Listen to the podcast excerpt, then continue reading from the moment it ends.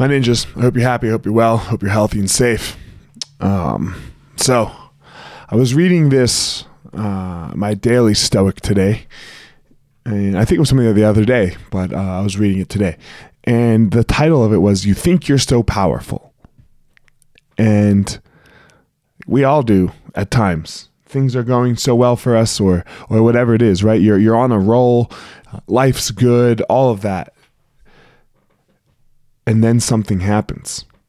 You know, and he's giving all these examples of great and powerful Stoics who were then who then had it all just crumble on them. And the the gist of it was you're only as powerful um, as the universe allows in the next event.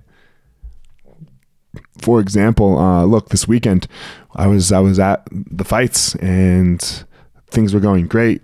You know, Montana looked great. Everything just rolling along just like it should all week. Great workouts in the zone, the whole nine yards. You know, like you couldn't you couldn't ask for for more skillful.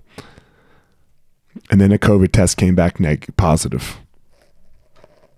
They don't pull the fight right away. We still have to go through the motions as, as if we're fighting.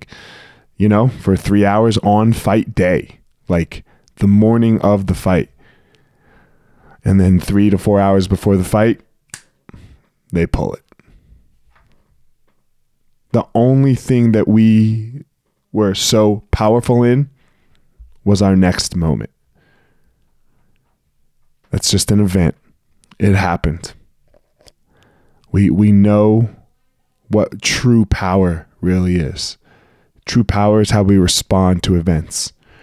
True power is how we deal with setbacks. True power is how do we deal with the the not skillful things that happen in our lives. And that's where you will find your power.